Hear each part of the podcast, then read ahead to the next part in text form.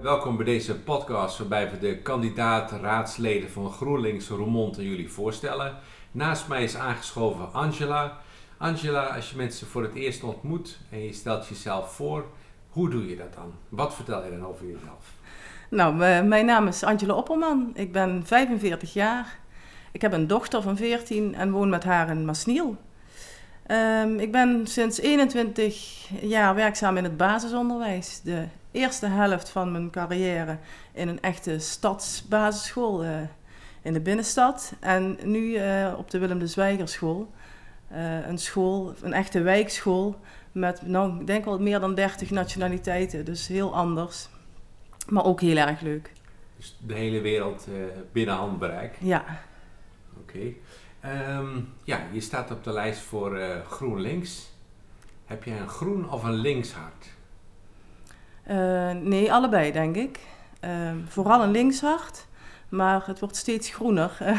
ik ben aan het. eh, sowieso waar ik me enorm aan stoor is eh, de zwerfafval tegenwoordig. En Mhm. op een of andere manier wordt dat langzaam een verslaving. Ehm, als je met een prikker op pad gaat en je gaat een wandeling maken, Mhm. dan kun je eigenlijk niet meer zonder. Dus als ik nu aan het wandelen ben zonder prikker, dan, eh, ja, dan, dan, dan kom ik erg veel zwerfafval tegen en dat stoort enorm. En waar wandel je dan meestal? Overal in de wijken, in de parken, in, eh, door Roermond, eigenlijk overal. En, en heb je die dan elke dag bij je, zo'n Nee, prikker? nee, ik neem hem niet elke dag mee, maar het zou wel kunnen, want eh, zoveel lichter.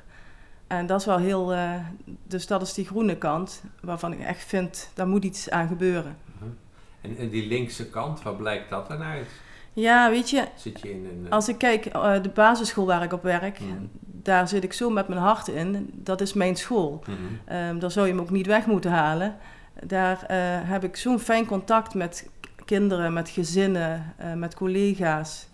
Ehm, en ja, goed, ik ben enorm betrokken. En ook bij alle kanten van die school. Ja, Dus dat vind ik heel belangrijk. jouw werk is veel, heel belangrijk. Ja, ja. Ja. Ehm, nou, we zijn hier om te praten over de politiek. Niet alleen over jou natuurlijk, maar ook over de, over de stad, over de gemeente Roermond. Ehm, wat maakt Roermond in jouw ogen echt bijzonder? ja, wat ik heel bijzonder vind aan Roermond is dus de multiculturele kant. Mhm. Ehm, ik heb eens vernomen hoeveel nationaliteiten we in, eh in Roermond hebben. Ehm, nou ben ik kwijt hoeveel, maar het zijn er ontzettend veel. En Mhm. ik vind dat heel mooi hoe dat samen kan. Dat gaat niet altijd goed, Mhm. maar ehm, dat zou wel moeten. En eh, dat- op heel veel plekken zie je dat dat heel mooi samen kan. Je had het net al over jouw school, hè, waar al die nationaliteiten samenkomen, verschillende culturen, verschillende ideaalbeelden misschien, eh, over hoe je met elkaar omgaat en wat je moet bereiken in het leven. Kun je daar wat voorbeelden van geven van waarbij dat toch verschilt en toch samenkomt? Ja, goed, als ik bijvoorbeeld naar mijn dochter kijk, die bij mij op school gezeten, ehm, die zag het verschil niet. Die had eh, Mhm. vriendinnetjes uit Marokko, uit Servië, uit Turkije, ehm, uit Sri Lanka. En als je daarmee sprak, die zag geen kleur en die zag geen verschil tussen die kinderen. En dat was heel mooi. En als ik nu kijk bijvoorbeeld hoe wij met elkaar omgaan bij ons op school. eh, wij vieren bijvoorbeeld ook ehm, alle feesten. Dus kinderen uit Sri Lanka, die zijn eh, een paar maanden geleden in elke klas een, eh, een lichtje komen brengen. Mhm. Want dat is hun feest. Ik weet even niet hoe het heet, maar Mhm. Ehm, en zo leren we elkaars culturen kennen en ook beter begrijpen. En ja, ik vind dat heel mooi. Je doet het al twintig jaar. Het is natuurlijk een heel ja, mooi om te horen zoals je dat doet. Ehm, ja, kom je nog wel eens eh, leerlingen tegen die 15 jaar ouder zijn en, en, en, en dat ze dan zeggen, nou, eh, juf Opperman of juf Angela, ik weet niet hoe je genoemd wordt, maar Ja, juf eh, Angela. juf Angela, nou daar heb ik echt wat aan gehad. Nou, ik zal je een verhaal vertellen. Ik zat gisteren bij de kapper. En daar kwam ik binnen en daar was het heel gezellig, want er was een pianist aan het spelen. En dat was Roy. En Roy heeft, eh, ik denk, die was nu 30, dus die heeft echt helemaal aan het begin van mijn carrière bij mij in de klas gezeten. Mhm. En dat was een hele bijzondere jongen, een hele aparte, eh, unieke jongen. En dat was hij nu nog. Hij was erg goed met muziek. Hij was vroeger heel grappig. Dat was hij nu nog. Hm. En hij vertelde me dat hij vroeger een eh, gedicht van mij moest schrijven voor de Kinderboekenweek. Daar Hm. konden ze een prijs mee winnen. Mhm. En blijkbaar vond ik zijn gedicht zo goed, dat vertelde hij gisteren, dat hij mij naar de directeur, ik stuurde hem naar de directeur met dat gedicht, Ja. om dat te laten lezen. En hij won uiteindelijk ook de Gouden Griffel. Dus. En hij gaf nu aan dat, ehm, dat dat eigenlijk de aanzet is geweest om ook zelf te gaan schrijven. Hij dacht, ik kan dat. Mhm. En hij schrijft nu zelf liedjes en zelf muziek. En dat vond ik heel leuk om gisteren terug te horen dat, ehm, dat ik daar een, eh, een klein aandeel in heb gehad. Hij zei ook, ehm, u zag vroeger de talenten al van kinderen. En ja, dat is echt wel heel, eh, heel mooi om terug te horen. Dat is waar ik het voor doe. Dat is ook wat je in de politiek drijft. Of, of vul ik het nu te veel in? Nou ja, eh, ehm, wat mij daarin drijft is dat ik wel vind dat iedereen kansen moet krijgen. Mhm. Alle kansen. En als ik bij ons op school zie, ehm er zijn ook kinderen die die kansen ehm, niet krijgen of die het gewoon veel moeilijker hebben. En Mhm. dat vind ik heel eh, oneerlijk. Mhm. Je noemt het met een moeilijk woord kansongelijkheid in het onderwijs. Eh, Wat betekent het dan eh, concreet?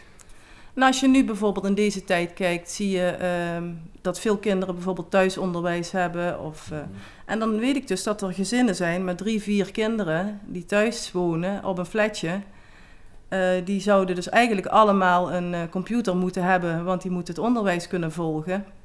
Ja, dat kunnen ze niet betalen. Mhm. Ehm, dan zijn er kinderen die zitten op de middelbare school.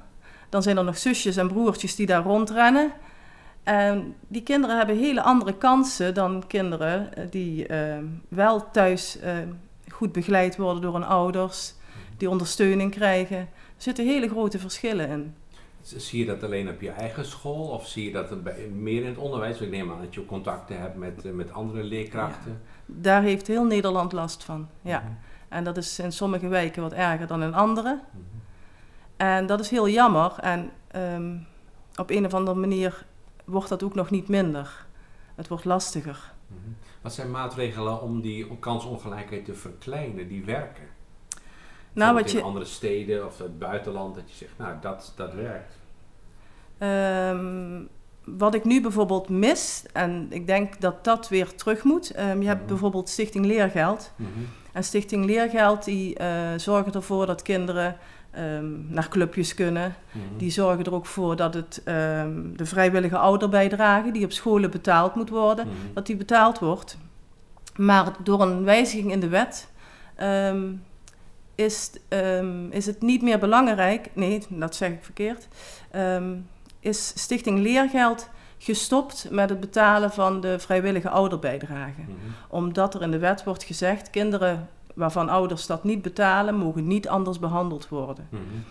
En die zijn dus gestopt met het Mhm. gevolg dat heel veel ouders die eh bijdragen niet kunnen betalen. Maar ook scholen hebben nu minder geld om activiteiten te organiseren.